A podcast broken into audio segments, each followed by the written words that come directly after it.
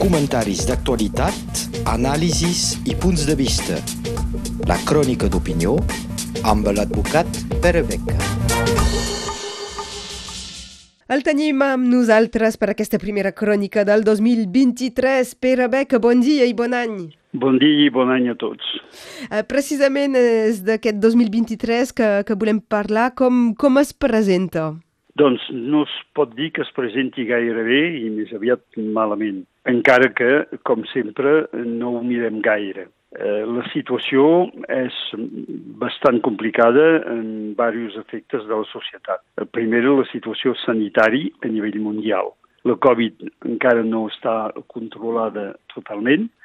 La malaltia és en realitat també una malaltia política, si es pot dir així, perquè es veu que l'exemple de la Xina, eh, que demostra que un revirament de tractament polític de la situació està provocant milers de morts i conseqüències eh, increïbles, i això davant d'un relatiu silenci imposat per l'estat xinès, però més o menys respectat per als altres estats, perquè fins i tot l'estat francès, amb, prou feines, es posen controls a la frontera de la gent que vinguin d'així. El perill sanitari és per tots els estats del món i ho hem de considerar com tal, i no sembla que, de moment, políticament ho sigui. La situació de conflictes. Situació de conflictes, Ucraïna fa més de 10 mesos que està en guerra contra Rússia. Això està passant al vell mig d'Europa, eh, un centenar de quilòmetres d'un país membre de la Unió Europea i eh, membre de l'OTAN. I sembla impossible eh, que ningú pugui obligar Rússia a negociar.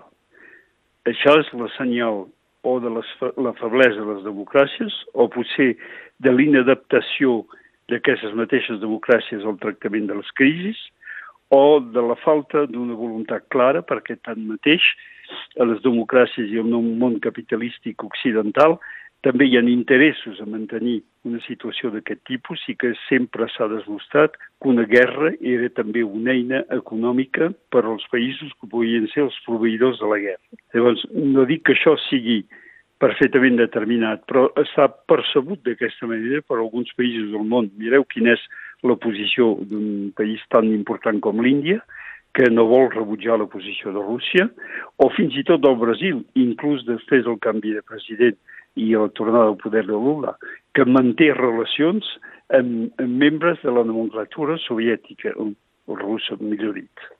Doncs situació conflictiva molt greu i que pot empitjorar molt ràpidament.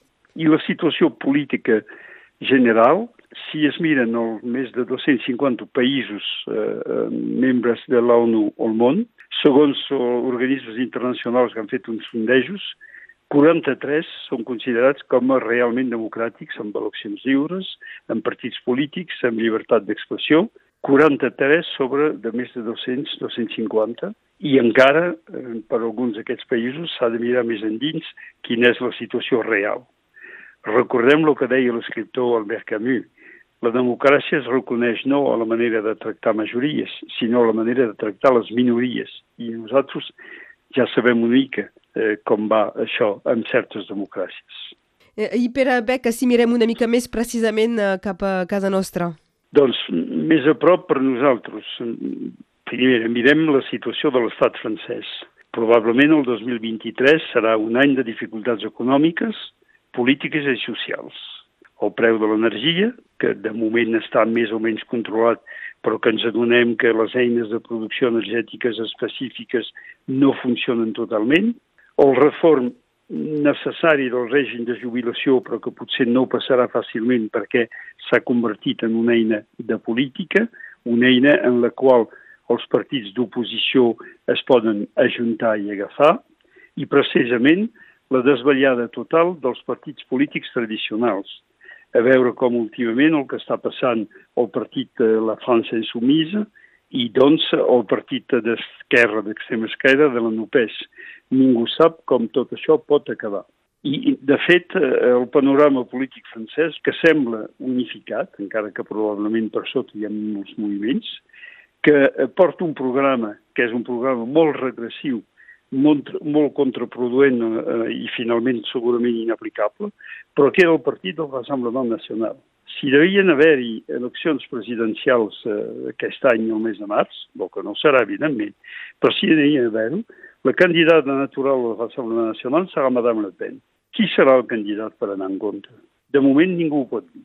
I a l'estat espanyol, doncs, sembla també que l'habilitat política de Sánchez, que mm, permès per ell de eh, resoldre o de retrasar algunes qüestions, no sigui finalment suficient per portar endavant la vida del país. La qüestió catalana no es pot dir que l'hagi arreglada, però la posada eh, a segon nivell. A segon nivell perquè s'han escapçat els partits eh, eh, polítics, s'han exiliat els principals polítics i els que han anat a la presó no n'han sortit de la mateixa manera i amb la mateixa combativitat. I, de fet, Sánchez ha reixit a trencar l'unitat del catalanisme. I la conseqüència d'això la veurem segurament el mes de maig, quan hi hagin eleccions municipals a Catalunya, el maig 23, els partits tradicionalment catalanistes, encara que poguessin en algun lloc s'enfrontar-se, iran totalment desorganitzats, sense estructura nacional de país com referència, i això mai és bo, sobretot quan el país té, per altra part, l'agitació clàssica de dret i esquerra, i ja sabem perfectament que la dreta espanyola, i especialment el partit Vox, és molt més i molt més extremista que la dreta de l'estat francès. Doncs molt preocupant tot això. Uh, és que hi ha, malgrat tot, uh, algun uh, tipus d'esperança o, de, o de desig que podem tenir per aquest 2023? Soc, soc conscient de, se, de que els oients avui eh, deuen dir-se que m'he aixecat d'un mal peu i que eh, ho veig tot en negre. Evidentment, que eh, subsisteixen coses i que, eh, per exemple, pel tema de salut o pel tema de la pau, hi ha moltes accions que es fan i molts objectius que s'aconsegueixen. Tampoc hem d'oblidar que sortim, estem passant més de 70 anys de pau relativa i de prosperitat també relativa gràcies a l'exercici de la democràcia.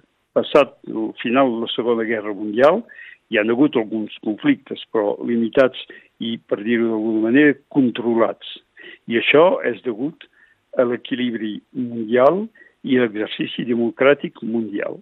Jo sempre recordo Winston Churchill, que considerava democràcia com el pitjor dels sistemes, excepte tots els altres. I crec que és això que hem de tenir, eh, en això que hem de tenir fe. És a dir, que això ha funcionat molts anys i encara que la situació hagi canviat, ens trobem sempre davant de la mateixa dificultat. Poden manar gent sense l'apoyo de la població, contra la seva pròpia població, com està passant a Rússia, per exemple? No crec. Crec que realment les eines noves de poder que s'estan posant en plaça, amb dificultat, són les que permetran eh, la democràcia de sobreviure a tot això i que és en això que hem de tenir fe. Ànims i visca. Visca i, i, i repetim uh, bon any nou. Ens retrobem uh, de totes maneres ben aviat aquí a, a Radio Arrels. Fins aviat i gràcies a tots els oients per la seva fidelitat. Adéu, bon dia. Adéu. Comentaris d'actualitat, anàlisis i punts de vista. La crònica d'opinió amb l'advocat Pere Beca.